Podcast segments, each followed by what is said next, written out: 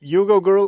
A smo, rečeš, seveda smo. Uh, Met in čaj, nova epizoda, podcast o medijih, dobrih in slabih praksah, novih tehnologijah in uh, trendih prihodnosti. Uh, gosti v medijih delajo, z njimi živijo in v njih razmišljajo ali pa se z njimi ali až na takšen ali drugačen način ukvarjajo, ne? ker veliko krat dobiva kakšen predlog za nekoga, ki ga pol nekako težko umestiva v ta najn algoritem za met in čaj.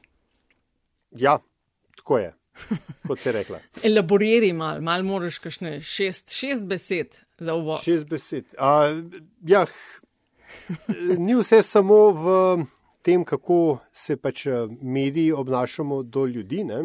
včasih je tudi, kako se drugi obnašajo do medijev, ali pa da rabimo tudi medije včasih kakšen kritičen upogled od zunaj v nekaj, kar se nam zdi normalno ali pa sprejemljivo v danih razmerah, sploh zdaj, ko, smo, ko ni denarja ne? in mm -hmm. ko, ko na nek način vsi iščemo načine monetizacije. Hkrati se pa pač nam dogaja to, da je vedno več, kaj je to, kvazi medijev, ne? ki tekmujejo na istem trgu in za iste fičnike, ravno zato, ker smo nekako prestali na tezo, da čisto vsak nekaj objavlja, je medij. Na nek način, ne vem, pač vem, da so bili pogoji, mislim, neki poskusi, da se to ureja. Ampak skratka, nekako je poanta najnega današnjega mitinega čaja, tokratne epizode, ki je katera po vrsti, Nataša?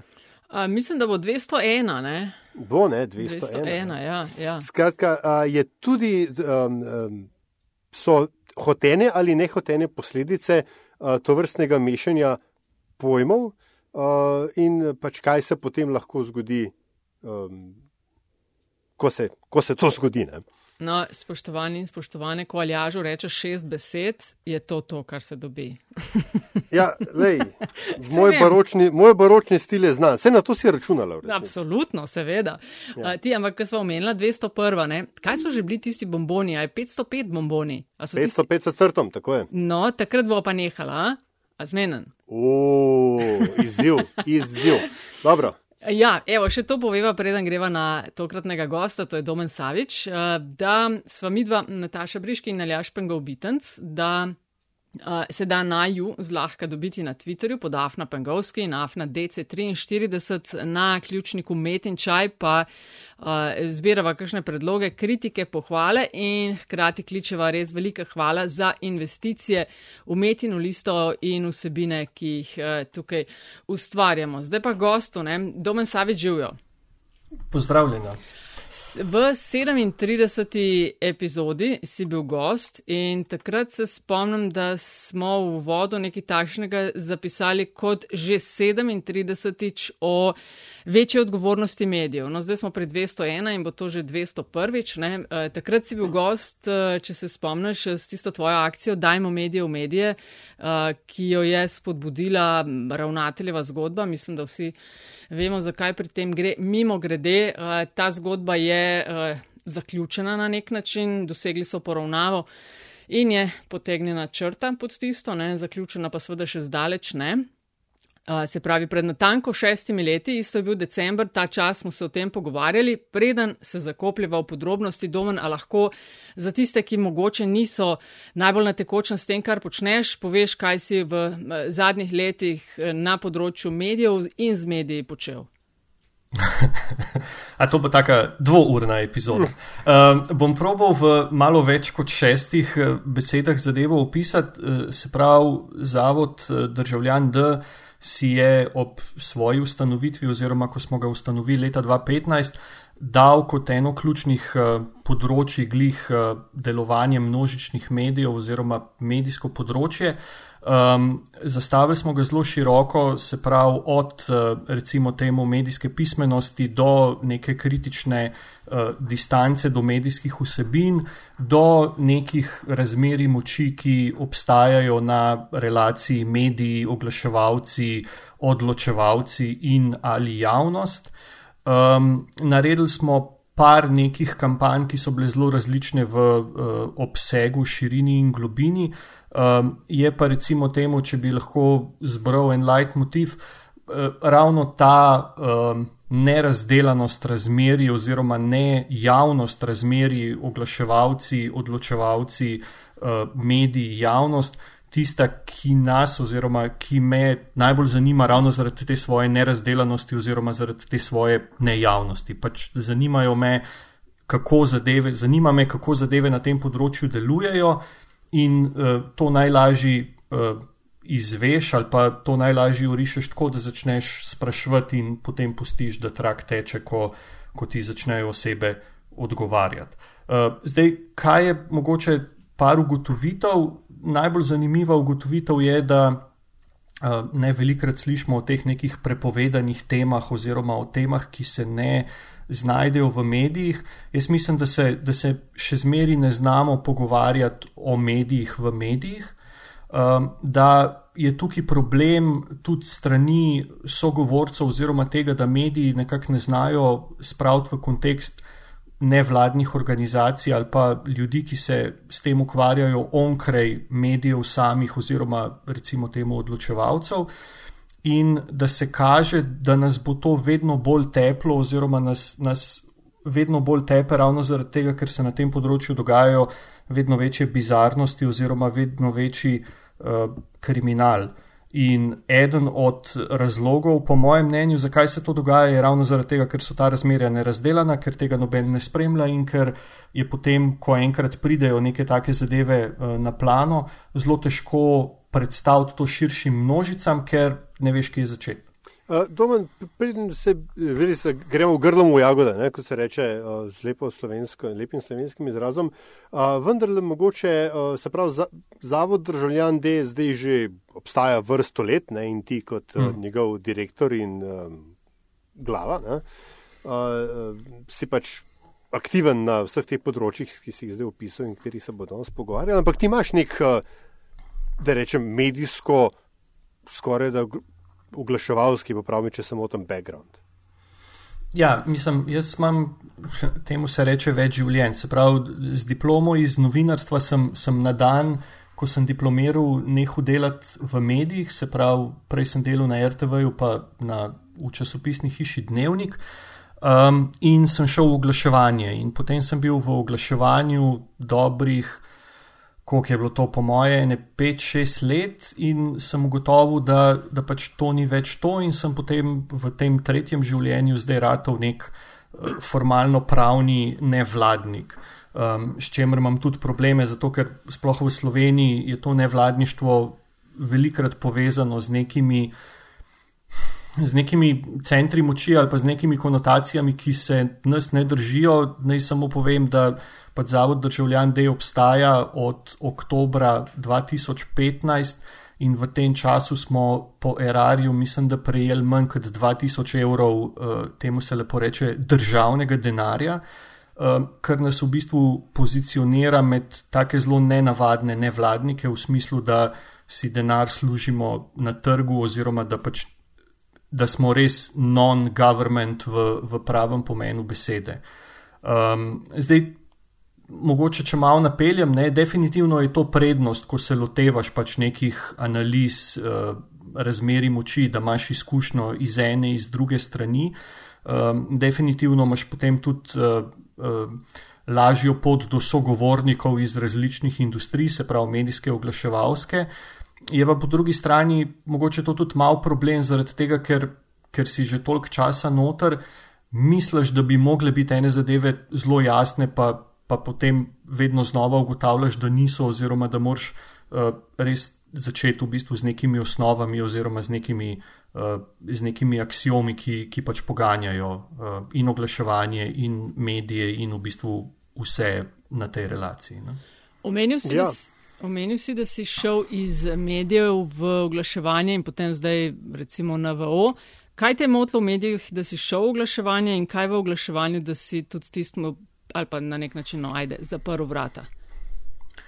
V medijih, je, v medijih je bil en tak zelo praktičen, uh, praktičen problem, v smislu, da, uh, da smo bili zmenjeni, da po diplomi dobim službo, pa je potem nisem dobil. Um, in sem potem rekel, da ok, da pač ne. hecali se ne bomo okrog tega. Takrat sem bil v situaciji, ko, ko mi pač ni bilo do tega, da bom zdaj tam z nekimi lažnimi uh, študentskimi napotencami uh, okol prenašal državo in ostale. In sem pač rekel, ok, bom najdel nekaj drugega. Uh, iz oglaševanja sem šel, se pravi, po uh, oglaševalski agenciji in po uh, nekem dvoletnem sprehodu v, v ta svet mobilnih aplikacij, sem šel iz tega, ker.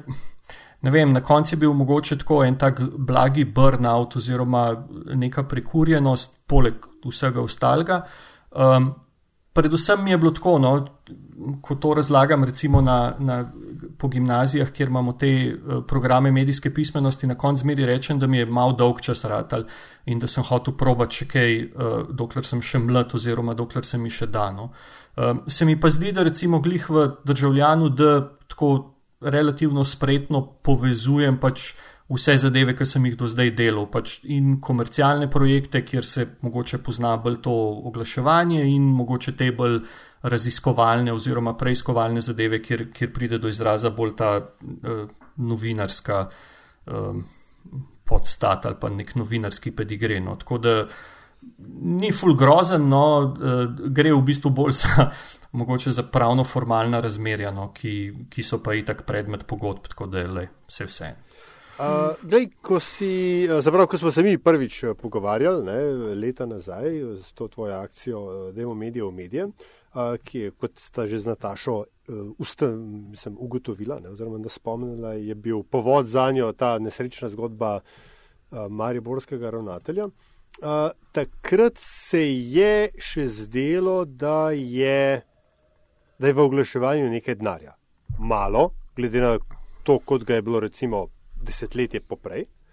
Mm. Ampak so še neke firme, velike so še oglaševale. Uh, danes, uh, dan današnji, ne, se pa ti ukvarjaš predvsem z direktnim oglaševanjem države v medijih. Um, ja.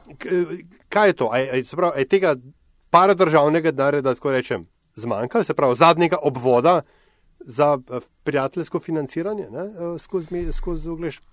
Oglaševanje ga je zmanjkalo, ali je uh, logika postala samo, uh, se pravi, ali je logika tega oglaševanja postala bolj v smislu, oh, sej se nam vendar sploh ni več treba skrivati in uh, skrivati tega, kaj počnemo.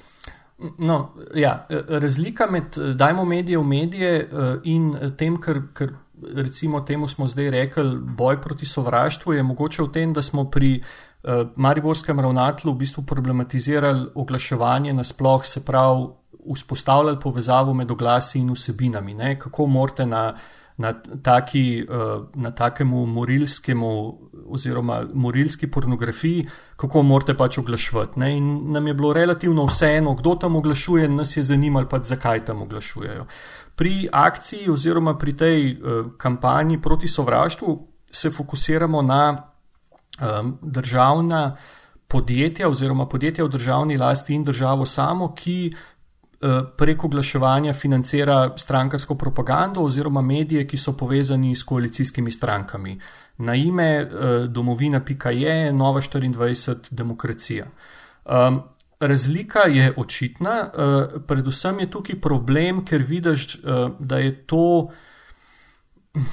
Da, da je to financiranje propagande, oziroma da ko enkrat pride zadeva na, na politično uh, raven, uh, če smo že eh, pri citiranju filmov, eh, bi citiral še enega: All bets are off. Kar pomeni, da, da gre zadeva po popolnoma netransparentnih, prikritih, nelogičnih, nelogičnih poteh, kjer, za razliko od recimo Mariborskega ravnatla, niti podjetja, niti marketinški oddelki, niti v bistvu ljudje, ki bi mogli to vedeti, ne vejo, kaj se dogaja oziroma zakaj se to dogaja.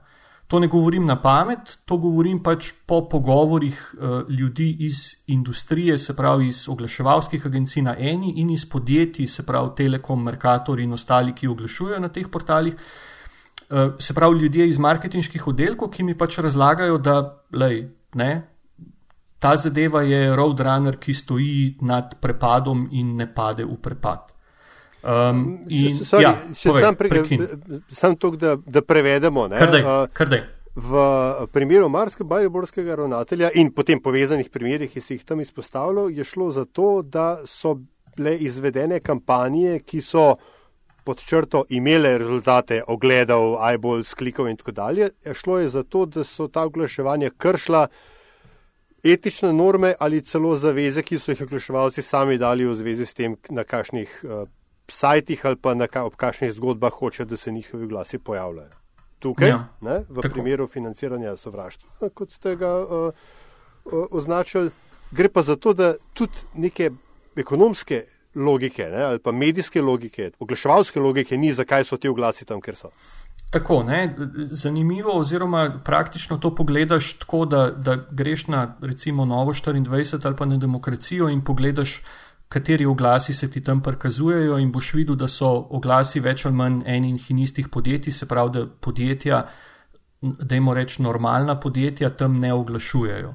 Uh, tam ne oglašujejo ne zaradi tega, ker uh, se jim pač mislim, ne zaradi tega, ker, ker bi jim nekdo ne vem prepovedal, ampak zaradi tega, ker so se pač sama odločila, da tega pač ne bodo počela. Uh, tega pred našo kampanjo ni bilo, se pravi, Nova 24 konkretno je imela polno oglasov nekih podjetij, nekih dobro stoječih podjetij, ki so pač tam oglaševala zato, ker ne vem, jim noben ni povedal ali niso znali nastaviti. Umestnika v, v Google advertising sistemu. V glavnem tam je bilo oglasov veliko več, kot jih je zdaj, ko se pač jasno vidi, da ne, so se podjetja, ki so. Uh, Ki smo jih izpostavili, oziroma ki smo jih poklicali na odgovornost, pač odločila, da bodo odgovorna in da tam ne bodo oglašvala, medtem ko so recimo Telekom Slovenije pa Merkator, so se pač odločili, da jim je to še zmeri v interesu, oziroma da se jim to še zmeri na tak ali drugačen način splača. Ne, in oglašujejo še naprej, mediji prejemajo oglaševalski denar in z njim financirajo to medijsko produkcijo, in ne, zadeva gre naprej. No, zdaj pa povej, kakšna je, ker ti to uh, dve leti ne, intenzivno delate na tej uh, kampanji oglaševanja države na portalih, ki te svoje ja. zgodbe, ne, dve leti.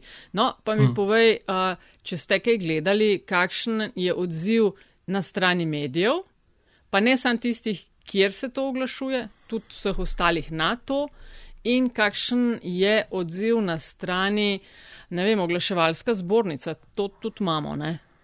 Ja. Problem pri tem, se pravi, odzivi, da je reč, začeti s pozitivo, odzivi so. Ne, zdaj, takšni in drugačni, ampak vidi se, da se je ta kampanja prijela, oziroma da je, če ne drugega, dosegla svoj smisel v tem, v tem pogledu, da se o tem govori, oziroma da, da, da zato ljudje, ki bi mogli za to vedeti, vejo. Ne, zdaj, koliko se o tem govori, mogoče, mogoče v drugem delu, ampak se pravi, zadeva je spravljena v javnost oziroma na zemljevid.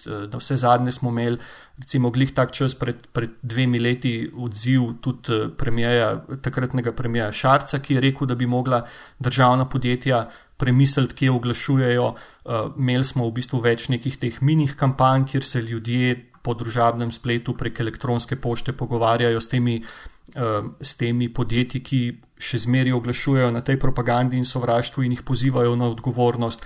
Imeli smo recimo tudi ljudi, ki so šli potem stran od Telekoma, od vzajemne, od Merkatorja, zaradi tega, ker so pač imeli ta, dajmo reči, privilegij svojo denarnico odločati, kaj bodo financirali in kaj ne. Se pravi, definitivno je bil nek pozitiven odziv. Zdaj, na drugi strani je bilo zelo veliko negativnega odziva, predvsem zato, ker tako kot sem rekel, ne, ko enkrat pride zadeva v, na področje strankarske politike, dobiš v bistvu na drugi strani zelo veliko zagovornikov oziroma nasprotnikov, ki poleg žaljivk, grožen in ostalega ne zmorejo v bistvu sproducirati neke jasne argumentacije, zakaj pa bi bil zdaj to problem oziroma ne, ironično še toliko bolj, da so ljudje, ki ponavadi zagovarjajo odprt trg in ne svobodno odločanje, tukaj prišli na, na tezo, da, da je pa pač državno oglaševanje oziroma oglaševanje države in podjetij v državni lasti, da to je pa že skoraj neke vrste komunizem, kjer bi mogla država kar vse financirati redoma in se tle sploh ne bi smelo ozirati na marketinško učinkovitost, na uspešnost oglaševanja, na ciljno publiko in tako naprej. Uh, kar je kar bizarno. No. Um, potem pa končno, ne, zdaj v zadnjem delu, ko smo recimo se fokusirali na dve kampanji dveh ministrstv, se pravi uh, Ministrstva za obrambo in Ministrstva za delo, um, smo pa videli, da, da se je v bistvu zadeva premaknila iz podjetij v državni lasti na samo državo. Se pravi, da zdaj država skozi oglaševalske pogodbe, ki jih plačujemo davkoplačevalci, namenja denar za financiranje strankarske propagande, sovraštva, eh, nestrpnosti, eh, medijske produkcije oziroma medijske promocije neonacistov in, in tako naprej. Um, in to je recimo pa ta slab del, ker ne, Hm, neonacizem je slab, mogoče je to za koga novost.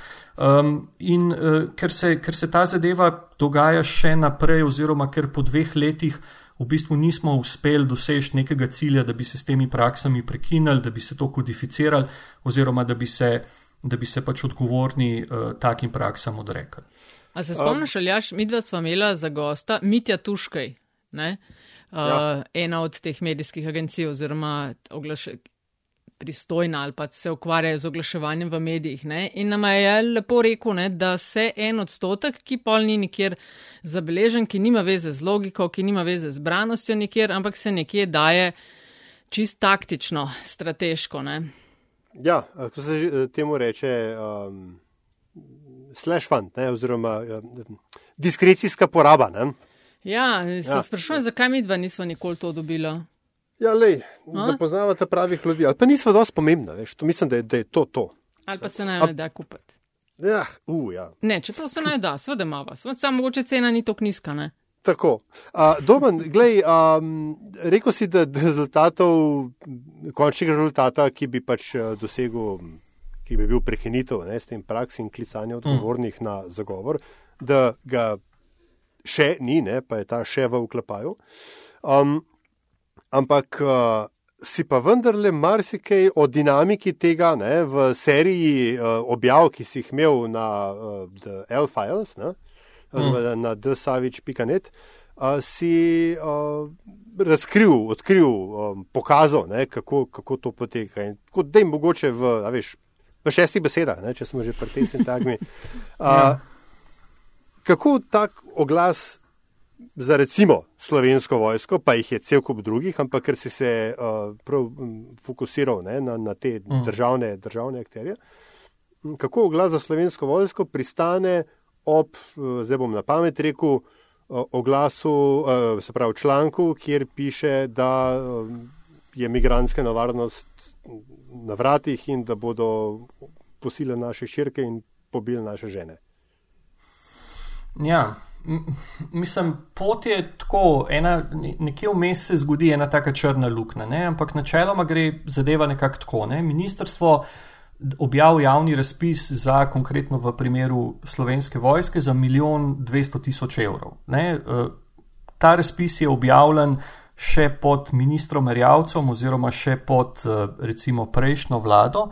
Um, in pač na ta razpis se prijavijo agencije, ki potem dobijo cache. Ne? In s tem cachem pač naredijo kampanjo, oziroma se najprej zmenijo, um, bodo, kje bodo oglašvali, oziroma kaj so zdaj relevantni mediji. Ne? Ministrstvo jim da neke cilje, radi bi uh, novačili mladino za vojaško suknjo.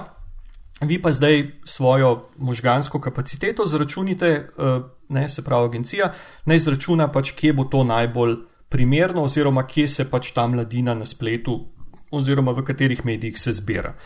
Potem ta zadeva preide, oziroma v načrtovalni fazi agencija naredi nek, nek medijski načrt, kjer objav seznam, oziroma kjer zlista vse medije ali pa opiše medije, ki so relevantni. Ne? Bodi si, da so za mlade, bodi si, da so z neke posebne regije, bodi si, da so pač argumentativno. Potem se zamenja vlada, In uh, kar naenkrat se te oglasi mimo oglaševalskega plana, oziroma mimo kakršne koli uh, strokovne utemeljitve, znajdejo, kot že rečeno, na, uh, na uh, medijih sovraštva oziroma na tovarnah sovraštva. kjer v bistvu noben čist dober ne ve, zakaj so tam. Ne, tudi, ko recimo vprašaš eh, ministrstvo za, eh, za, za obrambo, ne, zakaj se pač dejansko oglaševanje ne sklada z načrtom oglaševanja, ne, uh, ti oni rečejo, uh, zdaj lahko, da bomo, pa sem res rekel, da se ne bom šalil, oziroma da ne bom. Uh, Da ne bom uh, pač imel nekih komičnih uložkov, ampak dajte si doma, preden povem pravi odgovor, zapisati, kaj je Ministrstvo za uh, obrambo reklo, da zakaj so zdaj začeli kar naenkrat oglaševati na Nova 24, oziroma zakaj so spremenili medijski plan. Ne? Odgovor je zaradi koronavirusa. Zdaj, jaz ne vem, če je dober, pač mislim, tako, ali se to. Mislim, da je to zdaj pač nivo pogovora, ki ga bomo imeli, se pravi, da imaš državljane za norce, ampak jaz še nikoli nisem slišal, da bi zaradi nekega koronavirusa oziroma zaradi nekega virusa spremenjali spletno oglaševanje. Zdaj razumem, da imaš manj billboardov, da, da, razumem, da nimaš dogodkov, recimo na stadionih ali pa nekaj tasga, ampak da na spletno oglaševanje vpliva koronavirus, pa na televizijsko oglaševanje, to mislim, ne vem, kaj naj si mislim o tem, kot to, da pač nimajo odgovora in da, se, da si morajo nekaj izmisliti. Ne. Potem je druga, recimo, uh, druga recimo bizarnost, ki se je zgodila tukaj, je, da, sem, da smo no, marca, oziroma takrat, ko smo to začeli, maja, sorry, maja, takrat, ko smo to začeli delati, rekli ministru Toninu, ne, da naj on razloži, oziroma da če bi mogoče on znal razložiti, zakaj se to dogaja, in je rekel, da on se s tem ne ukvarja, da to je pač stvar agencije.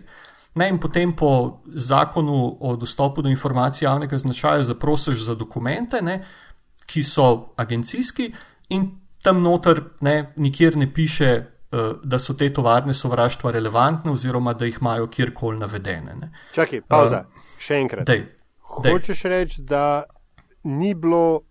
Zapravo, da a, agencija ni ugotovila, da bi ni predlagala oglaševanja na teh portalih, ker bottom line nima marketinškega smisla in cilji s tem ne bodo doseženi mislim, ni jih bilo tam noter pod relevantne medije, s katerimi bi dosegali cilje. Uh, pogledaš lahko tudi to merjenje obiskanosti spletnih mest, uh, ki je pač uh, recimo temu industrijsko relevantna raziskava obiskanosti spletnih mest in tudi tam noter nimaš ne domovine, ne nove 24 in tako naprej. In pač se ti je jasno oziroma je očitno, da se, da se taki posli sklepajo po nekih drugih statistikah oziroma po nekih drugih gabaritih. Ne. Bizarno je pa to v tem, da lahko na recimo primeru oglaševalskih pogodb ministrstv ne, z dostopom do informacij javnega značaja zahtevaš v bistvu zelo velik dokumentov, v katerih bi mogli točno to pisati. Ne. Se pravi, te relacije telekom, oglaševanje je mogoče malo težje slediti, zaradi tega, ker je to vsem zasebna firma, pa ti ne bodo dal kar vsega, kar hočeš. Ne. Ampak na ministrstvu bi mogel biti vsak evro zabeležen, oziroma bi mogla biti poraba vsakega evra zabeležena. Ne. Tukaj pa očitno kaže na to, da, tako kot si ti omenil, pač te neke črne fonde, ne, da se pač denar nekje vmes zgubi. Uh, ker gre za relativno dolge oglaševalske pogodbe, oziroma ker gre za neko kontinuirano dejavnost, se tudi, po mojem, noben glih ne uh, preveč ne sekira, zaradi tega, ker milijon pa pol, oziroma milijon dvesto tisoč, pa niti ne vemo, koliko denarja je šlo za to stvar.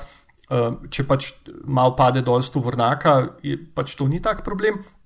Plus, da nikoli ne veš, oziroma da, da se tudi glede uspešnosti te kampanje, ne, če gledamo, recimo, uh, slovenska vojska zdaj že par let zgublja pripadnike, oziroma ima problem v bistvu z novačanjem, z novačanjem uh, da rečem, delovne sile, ne, da je v bistvu tudi tukaj stvar totalno nelogična, oziroma zelo. Uh, zelo nejasno razdeljena. Ne. V bistvu uh, hočeš reči, da oni, uh, v, ko se prijavljajo, teh medijev niti ne dodajo noter, da ne bi komu kaj bilo spornega, pa se pa nekako pojavijo. Mislim, jaz sem se pol, tako ko smo se pogovarjali, sem rekel, na koncu bomo ugotovili, da so, da so oglaševalske agencije v bistvu še najmanjši problem, oziroma da oglaševalske agencije uh, nič problematičnega ne delajo. Ne? In po teh dokumentih, oziroma po teh, um, po teh papirjih, ki, ki sem jih dobil do zdaj, oziroma ki sem jih analiziral do zdaj, je dejansko tako, da pač agencija dela po naročilu. Ne? Zdaj, kdo da to naročilo, kje je to naročilo zabeleženo in kako se potem to naročilo uh, sprocesira naprej, to je drugo vprašanje. Ne? Ampak uh, ne bi mogel reči v tem trenutku, da je to ne tako, kot imamo te stereotipne jaja, pa pa tam na agenciji neki pomutijo. Ne? Dejansko se zadeva v bistvu začne malo prej, uh, agencija je pa, je pa očitno samo un, ki more pač to hočeš nočeš narediti. Um, Ker drugače ne dobi provizije. Mislim, ja, lej, sej pač. No, pa se konec koncev so plačani, da to sej, naredijo. Tako, tako, bizarno, to biz, ja. bizarno, je, bizarno je predvsem to, da se recimo s pogovori, v pogovorih ljudi, ki delajo pač in na teh podjetjih, se pravi Mercator Telekom, in v bistvu, ki delajo v teh agencijah, ki potem izvajajo ta medijski zakup, ne, mi pač sogovorci razlagajo, da oni tega ne priporočajo, oziroma da oni teh uh, medijskih uh, oziroma teh tovaren sovraštva ne navajajo kot nek relevanten, relevanten uh, oglaševalski, uh, uh, oglaševalski cilj, se pa noter znajdejo zato, ker pač. Ne, in tukaj se pol malo zavijajo v neko meglo, uh, pride nek befel od nekje. Ne. Uh, Recimo, zanimivo je bilo, mogoče samo še to, zanimivo je bilo, da, da, ta, da se te relacije, kjer se zadeva zgodi mimo priporočil agencije oziroma mimo uh, nekega strokovnega mnenja, da se pojavlja tudi recimo pri, ne samo pri ministrstvih, ampak tudi pri recimo nekih uh, podjetjih v uh, državni lasti oziroma pri čist zasebnih podjetjih, recimo primer je oglaše, uh, zavarovalniška družba vzajemna, kjer smo tudi dobili informacije, uh, da se pač zadeve. Uh, vo, da se določene zadeve, oziroma da se določen oglaševalski denar vodi mimo uradnega uh, strateškega koncepta oglaševalske kampanje. Se pravi, da pač nekaj gre po planu, nekaj gre pa, da jim rečemo, mimo plana. Ne? In ta mimo plana je prejemnik uh, Nova 24 in, in ostali Eh, propagandistični portali. In to, kar se zdaj opisuje, to je ta črna luknja, o kateri se zgodi, kar se zgodi. Ja, mislim, črna luknja nastane v bistvu takrat, ko ti ne znaš razložiti, oziroma to je moja definicija, ne? ko ti ne znaš razložiti, zakaj si porabil davkoplačevalski denar v primeru ministrstva in, in ostalih pač eh, državnih, eh, državnih izpostav. Ne? Se pravi, kaj si s tem naredil, zakaj, mislim, kako boš s tem, ko si dal denar Novi 24 demokraciji, domovini, ne? kako boš s tem izboljšal, oziroma kako boš s tem pomagal, uh, pomagal pač temu cilju, se pravi, konkretno dobiti uh, nove vojake. Pričemer je na drugi strani, ne, glej ga šment, ne. Izredno problematično tudi to, da so vsi te portali tako en oziroma dva koraka stran od stranke. Ne, se pravi, Nova 24 obzorja SDS, domovina.pk je zavod iskreni NSI. Ne, in, in da pri, pri domovini, oziroma pri, zdaj smo govorili predvsem o, o Ministrstvu za obrambo, imaš tudi, uh, imaš tudi um, uh, kampanjo Ministrstva za delo, ki je uh, sicer javno naročilo, ampak je v bistvu večina denarja pride iz uh, Evropskega sklada. Uh, in tam je pa zadeva še bolj smešna. Ne? Ti imaš uh, na domovina.je, ko je bila ta kampanja podpisana, oziroma ko se je ta, začela, ko se je ta kampanja začela uh, dogajati, mislim, da pomlad 2020, je domovina.je objavila nek članek, kjer je totalno sesula to kampanjo v smislu, kaj zdaj mi denar mečemo stran za neko, uh, izenače, za neko uh, kaj že bilo tekst, se ne spomnim, ampak za neko poudarjanje teh uh, uh, razmeri med starimi in mladimi zaposlenimi, se to itak vsi vemo, da bo šel ta denar za financiranje nekih brezveznih portalov oziroma za oglaševanje na nekih brezveznih portalih, ki jih noben ne bere. Ne? In potem se vlada zamena, ne? ministrstvo za delo pride pod NSI, dobi ga minister, ki je do sekunde, ko je postal, oziroma sekundo preden je postal minister, je bil v, v IPS-u naveden kot soustanovitelj tega, tega neprofitnega zavoda. Ne? In te oglasi za to kampanjo, ki so jo prej na polno sesuvali, pridejo na, uh, na ta isti medij oziroma na medij domovina.je in se zdaj tam oglašuje in pač ne, to je vse super, to je vse normalno, mi se delamo, kot da je vse kot da je vse fajn. No, zato tisti dobivajo denar, ne, da se kupi tišina. Mm.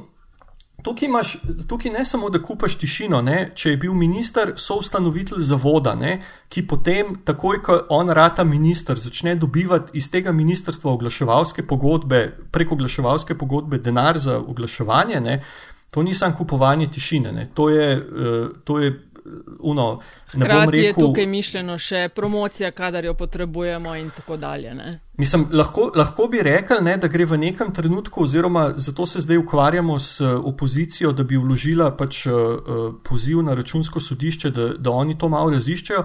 Lahko se v bistvu prek proračuna financirajo stranke. Ne?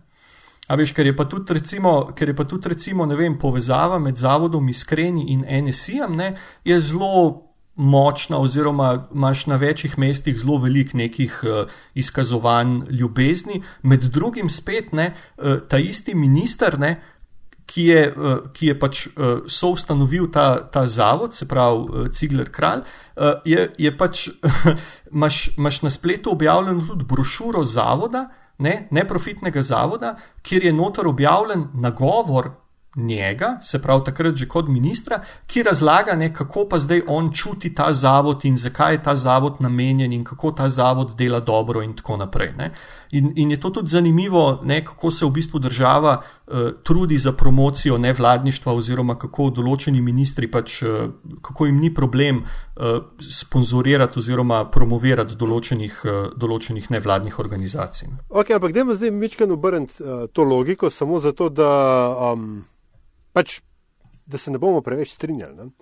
V resnici je 80 odstotkov oglaševalskega denarja v slovenskih medijih deplasiranega. Ker za to, da bi ti dosegel oglaševalske cilje, bi moral oglaševati na obeh te velikih televizijah, tri cajtingi, pa ene pet portalov. Vse ostalo je po sistemu topovi maslo stran vržen dar. Ok, ja. Okay. Torej, zakaj je to, kar ne, sej večkrat si se že odgovoril. Ne, ampak zakaj je to, kar se zdaj dogaja in s čimer si se ti ukvarjal, toliko bolj narobe? Zaradi tega, ker so uh, te problematične povezave in pri lastništvu, in pri načinu odločanja, in pri, uh, in pri v bistvu prerasporejanju tega davkoplačevalskega denarja za oglaševanje, v teh primerih veliko bolj očitne, oziroma da so transparentno narobe, bom rekel. Se pravi, ok, razumem, da, da recimo, ne vem, uh, imaš uh, neko preferenco kot neko oglaševalec, pa rečeš, da jim zdaj recimo operirati z imeni, ne bom dal v dnevnik, bom dal večeru, ali pa ne bom dal uh, primorskim novicam, bom dal gorenskemu glasu. Ok, kupam. Ne? Pri tem predpostavljaš, da je pač podjetje, da ima vsako podjetje neko afiniteto, oziroma da se tudi kakšne oglaševalske kampanje izvajajo tako, da je pač direktorju nekaj všeč, pa nima glih ful nekih relevantnih eh, ciljev, pa pač daš, oziroma da podjetje denar za oglaševanje nekam, ker je pač to nek, boh pomagi, odločitev direktorja. Ampak ne, v teh dveh primerih, Mors in Ministrstvo za delo, je pa problematično ne samo odločanje post festum, se pravi, ne samo, da v oglaševalskih strategijah ni nič zabeleženo, se pravi, da se ne skladata teorija in praksa, ampak da so te portali lastniško povezani s tistimi politiki oziroma s tistimi ministri, ki jim dajejo denar oziroma ki jim dajejo pač ta davkoplačevalski denar. Ne, in to je, to, to, tukaj sploh ne gre za to, da bi rekel, ok, ne, ne vejo, kje oglašujejo, oziroma da je tukaj neko strokovno neznanje, ampak gre direktno za to, da pač ok, nekdo je očitno poštekal, da se o oglaševanju ne znamo pogovarjati, da se mediji te teme bojijo zaradi tega, ker so tudi oni na oglaševalskem trgu, pa so potem veliki oglaševalci mogoče lahko užaljeni, ker pač neki neki, ne, in se pač o tem ne bomo pogovarjali. Ne, in, in, je, in je bizarka tudi to, ko gledaš recimo poročanja o tem. Ne, pač vsi se, recimo, konkretno zdaj ta, ta zadnji primer, ta kolumna v demokraciji, ne, vsi se zgražajo nad avtorjem, pa vsi se zgražajo nad, uh, nad urednikom, pa nad revijo, pa nad ne vem čem. Noben po dveh letih naše kampanje ne vpraša, ej, sorry, zakaj Telekom še zmeraj oglašuje na teh zadevah. Ne, in zakaj od Telekoma ne moreš dobiti odgovora, ali pa od Merkatorja ne moreš dobiti odgovora, zakaj oni tam oglašujejo, pri čemer imajo vsako leto na vseh teh oglaševalskih festivalih polna usta tega, kako oni uspešno in kako so oni super kampanjo in za novo leto in za Valentinovo in ne vem zakaj vse. Ne? In, in je bizarno ta omerta oziroma ta kultura molka, kjer ko se pogovarjaš, pač ena na ena ti določene stvari celo povejo, oziroma ti jih razložijo neučinkovito, nesmiselno, nelogično, mimo vseh uradnih kanalov. Potem pa, ko rečeš, ok, pa let's make it official, ali pa dajmo se o tem začeti tako pogovarjati, tako ustrajno, kot se pogovarjamo o recimo ne vem čem, ne, se pa zadeva neha.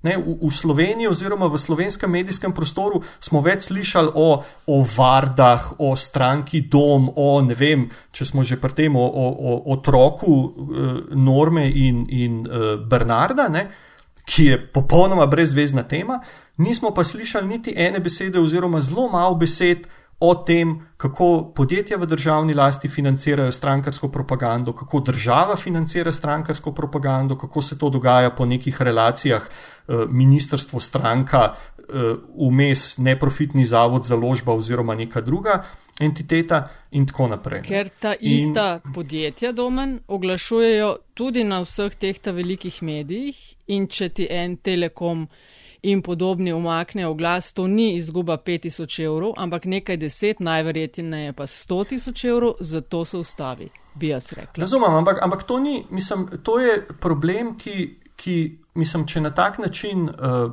razložiš to zadevo, ne, je potem problem v tem, da, da mi pol nimamo medijev. Ne, novinarstvo ne obstaja. Mi imamo potem neke platforme, kjer uh, neki pisuni tipkajo za to, da lahko zraven telekom lep svoje oglase. Ne? Eh, problem je recimo tudi to, da imaš, da imaš pri, uh, konkretno pri teh, uh, pri teh uh, propagandističnih tovarnah sovraštva, tega je zelo malo. Če bi se vsi mediji skoordinirali, kaj, pa bo Telekom oglaševal sam še na Nova 24, pa nikjer drugje, ker bodo vsi rekli, da ja, uh, Telekom pa oglašuje in s tem financira strankarsko propagando. Okay, kaj pa tvoja teorija, zakaj se o tem več ne govori, zakaj je ta omerta?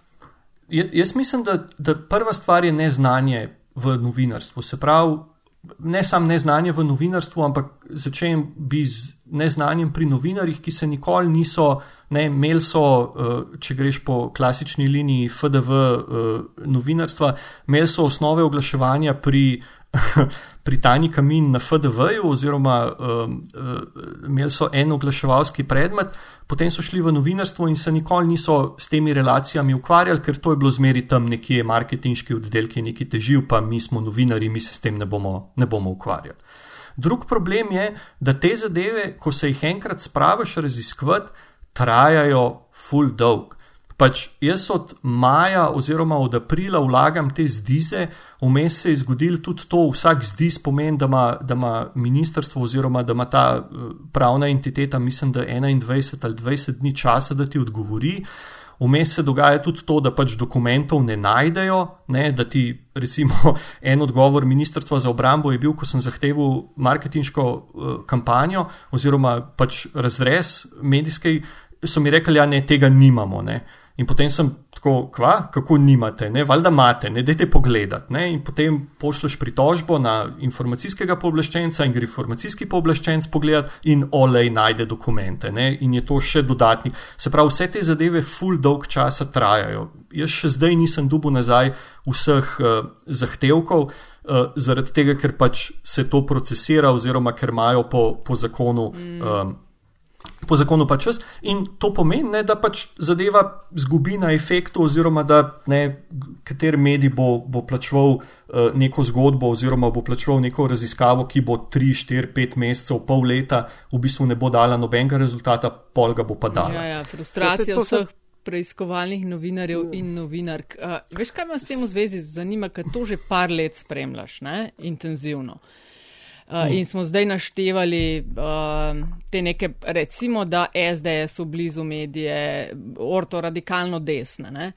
A opažaš ja. kakšno razliko, a se ti zdi, da, da na drugi strani, ne? leva, desna, tega ni, ali da je drugač, ali ne vem, si prišel do kakšnih spoznanj v tem pogledu? Lej, ti bom dal zdaj ta, ta zadnji primer.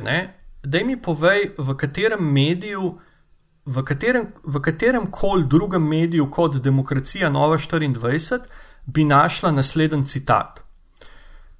Pakistanci prevladujejo pri izkoriščanju mladoletnih oseb za spolno občevanje, črnci prevladujejo v nasilnih zločinih, ljudje pa prevladujejo na pomembnih položajih v vladi in na medijih, prek katerih se zauzemajo za odprte meje. A veš kaj, nisem imela v mislih to vsebino, to se pravi oglaševanje na sovraštva in propagande sovraštva, ampak dajanje teh črnih fondov levim, desnim medijem. To sem bolj imela v mislih. Vem, ampak, ampak pravim ti, da, da pač črni fondi v pa že ta recimo relacija levi-desni mediji, jaz mislim, da to ne obstaja. Jaz mislim, da, da levi-desni mediji, da, so, da si je to zmislila SDS, oziroma da sta si to mogoče zmislila NSI pa SDS, zato da upravičujeta financiranje, oziroma da upravičujeta ustanavljanje in financiranje nekih svojih propagandističnih portalov. Mi nimamo levih pa desnih medijev. Mislim, če bi, že, če bi gledala razliko med, ne vem, Zudetiše Zeitung ali pa Frankfurt Alemajne ali pa ne vem, pač neke, ne vem, kašne, recimo res, če hočeš reči desne medije, bi videla, da je razlika ne dan pa noč, ampak dan pa banana med slovenskimi in, in temi. In, in tudi pri, uh, pri recimo uh, oglaševanju oziroma kupovanju, dajmo reči, uslug z uh, oglaševanjem, uh, je v najboljšem primeru, se mi zdi, bolj po tej kapitalistični logiki, v smislu podjetje, o podjetju, ki oglašuje, ne bomo grdo pisali. Ne? Recimo, ajde. Ne? Ampak to pomeni, ne, da pač vse ostalo je ok, samo o tem podjetju, ki daje uh, velik denar skozi oglaševanje, ne bomo grdo pisali. Ker je manjši zločin ali pa manjši kriminal, še zmeraj je pač stališča novinarstva in, in odpiranja nekih, nekih problemov problematično. Ampak to je veliko manjši problem kot to, da ta podjetja z oglaševalskim denarjem in zdaj na koncu tudi ministrstva z našim denarjem financirajo pač strankarsko propagando, ki v enem delu promovira neonacizem oziroma dela intervjuje z neonacisti in alt-writeri in pseudoznanstveniki in ostalimi zadevami iz celega sveta. Ne, in, in tukaj zdaj govoriti, da je, da je pač to, da, da, eh, da ne vem, zavarovalnica Triglav, ki je Bajdo je tudi svoj čas oglašvala na, na Nova 24, ali pa recimo, da neko podjetje kupuje novinarje ali pa jim pošilja neke goodie bege, ne, da je to isto kot da pač financiraš strankarsko propagando, ne, kamo. To, tle se mi zdi, da, da to, eh, da ta inženirski pristop, levo je isto kot desno, samo v drugo stran gleda, da pač tle res ne pride, ne pride blizu. No. Ne, tega nisem in, rekla, sam zanimal me je, če si mogoče opazil v tem pogledu kakšne, kakšno dogajanje, kaj, ne vem, podobnosti, ne, razlike, ampak vse si jih naštel, kaj se ti zdi. A veš, kaj tudi, kaj tudi, lej, najti mi, najti mi en, če že hočeš, najti mi en lev medij, kjer ima lasniški delež koalicijska stranka ali pa najti mi en medij, ki ga je ustanovil nek, neka pravna oseba, v, katerem, v kateri je bil upleten nek, recimo, temu levi minister ali pa levi vidni politik. Ga ni, mislim, tle zadeve. Mislim, ne vem, če že hočeš pol tako malo, uh, ker se uh, približujemo koncu epizode, ne, uh, zdaj ali so oni bolj pametni, pa znajo te zadeve bolj zakritne, ali pa pač se ne grejo tega, ker je to mislim, to je pač politična propaganda zamaskirana kot nek kvazi alter, neki, neki medij, časopis, portal, TV postaja, ne vem kaj. Ne, samo, in, samo to, ja. mi, to mi še povej, ne, eh, preden pobegneš. Um, ti si v temi oglaševanja slovenske vojske na, na teh portalih. Deset objav si sestavil, ki pač vsaka zase stoji in je, in je, in je pač zahtevala svoj čas. Um, ja. Se mal si sicer že povedal, ne? ampak uh, če ti oglaš, firme, ki so oglaševale, poleg ne, se pravi države, niso dale podatkov, a je razen, da rečem, spotikanja samih vase ne, in recimo temu nesposobnosti, država, ministrstvo v tem primeru sodelovalo pri podajanju informacij ali so te aktivno ovirali. Ne, načeloma zdaj, kar sem rabo, oziroma kar sem pač zahteval, sem, sem dobil.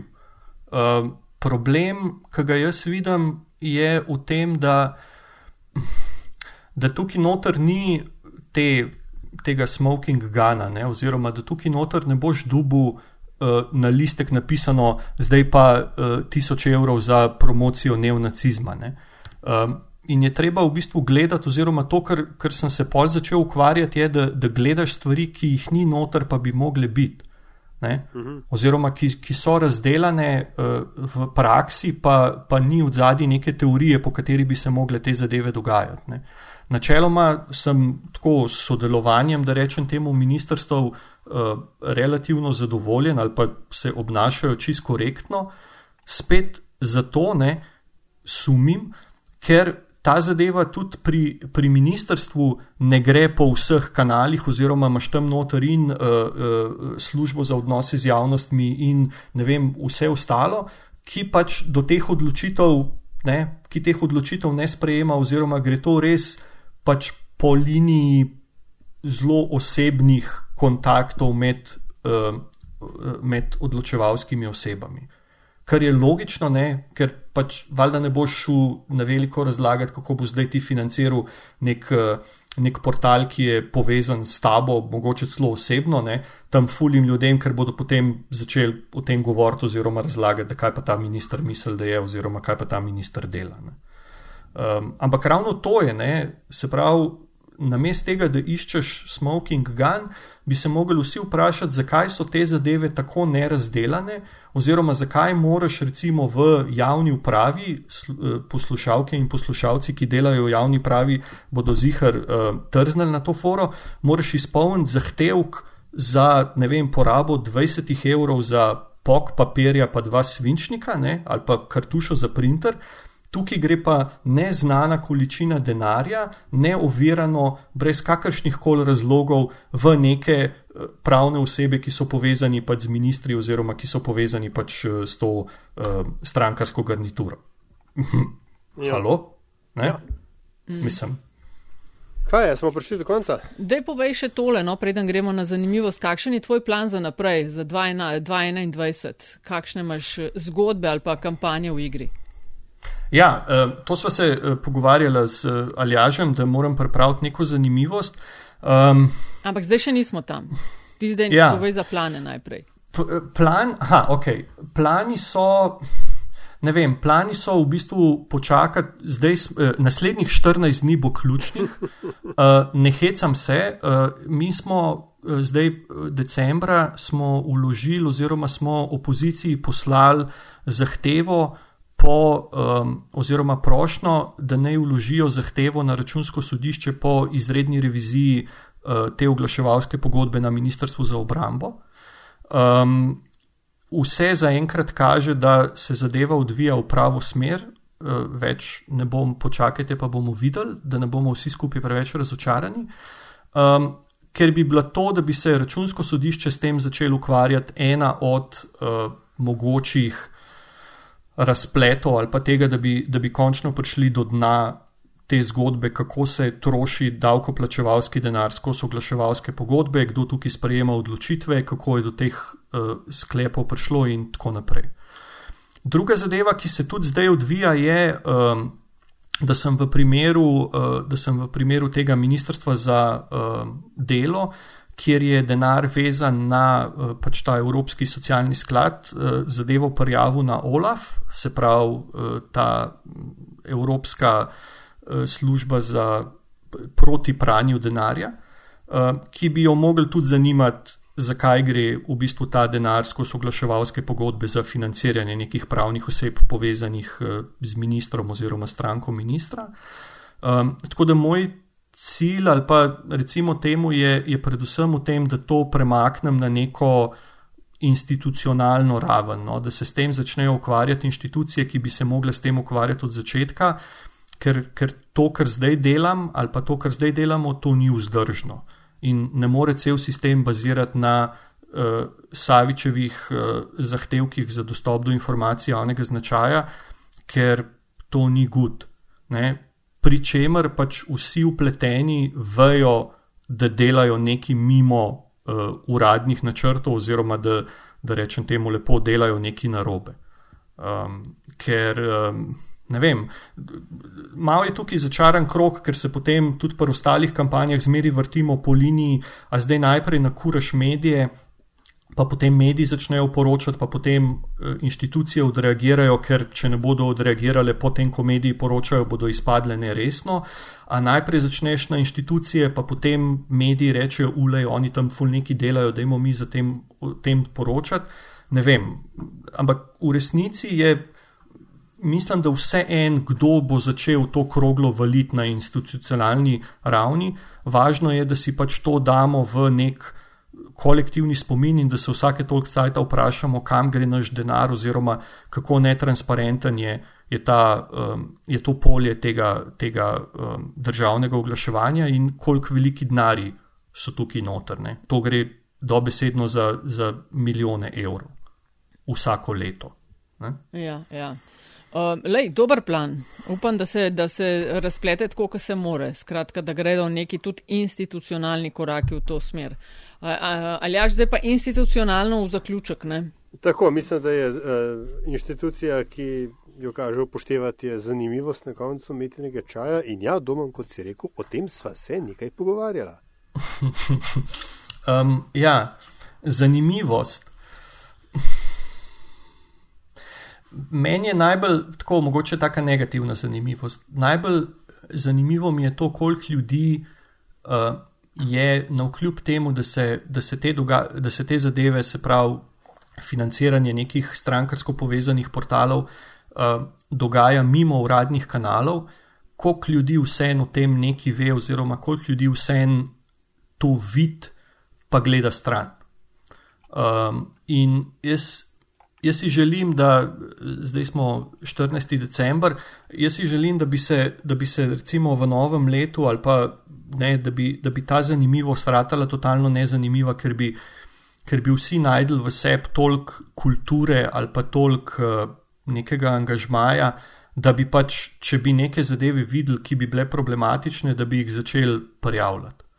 Ker potem se mi zdi, da, da, da pač ta kultura molka uh, zdrži sam toliko časa, dokler, dokler so pač vsi tiho. No.